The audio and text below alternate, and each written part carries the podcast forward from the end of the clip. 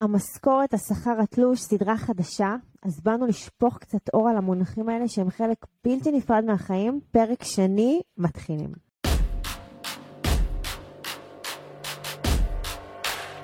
ברוכים הבאים למדברים השקעות עם עמית ואגר.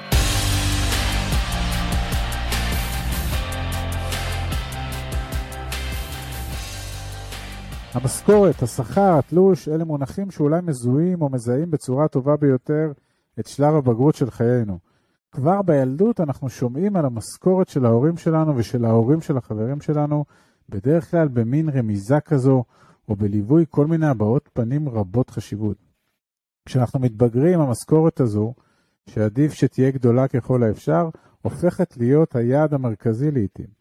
לפעמים אפילו נדמה שהמשכורת הזאת היא המנהלת האמיתית של חיינו, וכולם מדברים עליה במין נימה של כבוד או של חשש, בנימה של מסתורין. ואת המסתורין הזה בדיוק חשבנו שיהיה נכון לפוגג.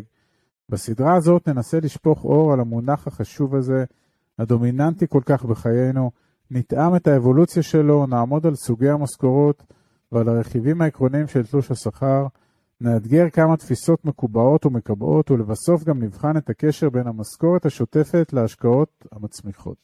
אז בפרק הקודם דיברנו על גלגולה של המשכורת, גם של המונח עצמו וגם של התוכן שלו.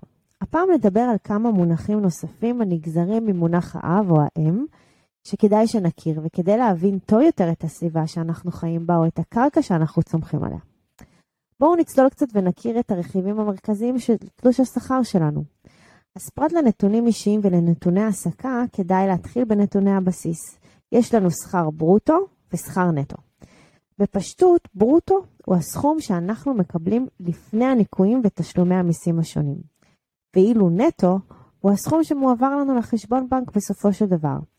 עכשיו, יש נטייה די טבעית, אבל היא קצת מוטעית, לא להעניק חשיבות רבה לברוטו, ואז אתה מתמקד רק בנטו. שורת השכר ברוטו בתלוש שלנו למעשה כוללת כל מיני רכיבים חשובים שמתורגמים לחובות ולזכויות כספיות שונות. אז בואו ננסה להכיר חלק מהסעיפים האלה, לפחות הראשיים שבהם. יש שם את שורת פירוט התשלומים. החלק הזה כולל את המשכורת עצמה, ולצידה תוספות שכר בהתאם לנתונים שונים, כדוגמת ותק, דירוג, שעות נוספות ונסיעות. יש אה, זקיפות שכר, כאן הכוונה לשווי כספי של הטבות, למשל טלפון, החזקת רכב, הפרשות לביטוח לאומי, וזה שווי הכסף שמתווסף לכם לסכום הברוטו לטובת חישוב המס הנדרש לתשלום. ניכויי חובה, אלה הם תשלומי המיסים. איזה מיסים? או יש כאלה הרבה. מס הכנסה זה מס, ביטוח לאומי, למרות שלא קוראים לו מס, הוא מס. מס. ביטוח בריאות, למרות שזה נשמע ביטוח זה מס. זה מס. וגם ההפרשות שלנו לקרן הפנסיה, שמחויבות על פי חוק, ולקרן ההשתלמות, על אף שהיא הטבה ולא מחויבת, יופיעו בסעיף הזה של ניכויי החובה. ניכויים אחרים הקשורים לחברות בארגון המעסיק, כדוגמת דמי חבר או מס ארגון, ניכויים אלה יופיעו בסעיף נפרד. יש כמובן עוד רכיבים רבים בתלוש שלנו, כמו למשל נתונים הנוגעים להיעדרויות, ימי חופשה, ימי מחלה, התחייבויות וניכויים אישיים, וכן נתונים חודשיים ושנתיים מצטברים, נקודות זיכוי ממס, שיעור מס הכנסה, שכר ברוטו וברוטו למס, ועוד ועוד ועוד. אז תקשיבו, התלוש הוא עולם שלם של מידע, של הגדרות, של תתי נושאים אפשר, וכדאי להתעניין ולהעמיק את ההבנה שלנו ברכיבי השכר. אנחנו לא חייבים לדעת הכל בכל נקודת זמן, אבל כן חשוב לדעתנו להכיר את הקווים הכלליים ובעיקר לקרוא את התלוש קריאה ביקורתית פעם בחודש או לפחות פעם בכמה חודשים. קריאה שהמטרה שלה היא לוודא שאנחנו מקבלים את מה שמגיע לנו ושהניקויים השונים באמת מתנהלים uh, כסדרם. נזכיר שחלק מהניקויים האלה הם למעשה הפרשות לקרנות פנסיה, גמל, השתלמות, וזה חלק מהעתיד הפיננסי שלנו, וגם מכשירים פיננסיים שאנחנו יכולים לנצל אותם לטובת מינוף והשקעות שה, שהזמנים מתאימים. כן, אנחנו יודעים שיש המון אנשים שאפילו לא פותחים את התלוש, mm-hmm. כי הוא מאיים עליהם, וגם הם פותחים, הם לא בדיוק מבינים מה כתוב שם, ואנחנו כן ממליצים ללמוד את הסעיפים האלה, כי הם בהחלט רבי משמעות. אבל רגע לפני שנסיים, חשוב להכיר מונח בסיסי נוסף בהקשר של משכורות, ואנחנו מתכוונים לגובהו של שכר המינימום. זוהי רמת שכר שממשלות קובעות כרף תחתון לשעת עבודה. בישראל של 2023, הסכום הזה של שכר המינימום עומד בינואר 2023 על 29 שקלים לשעה, או על 5,300 שקלים לחודש.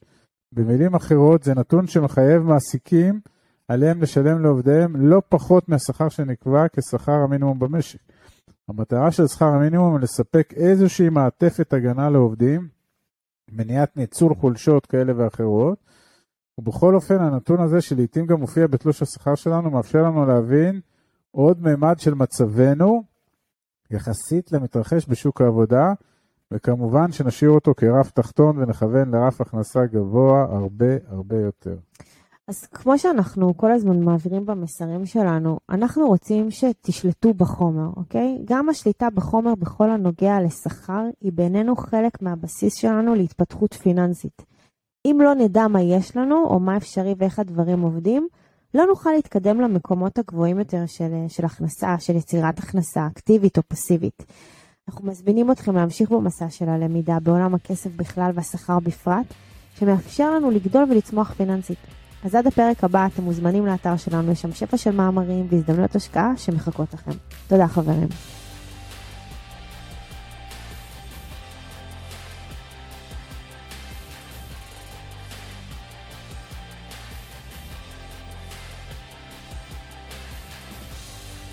עד כאן להפעם.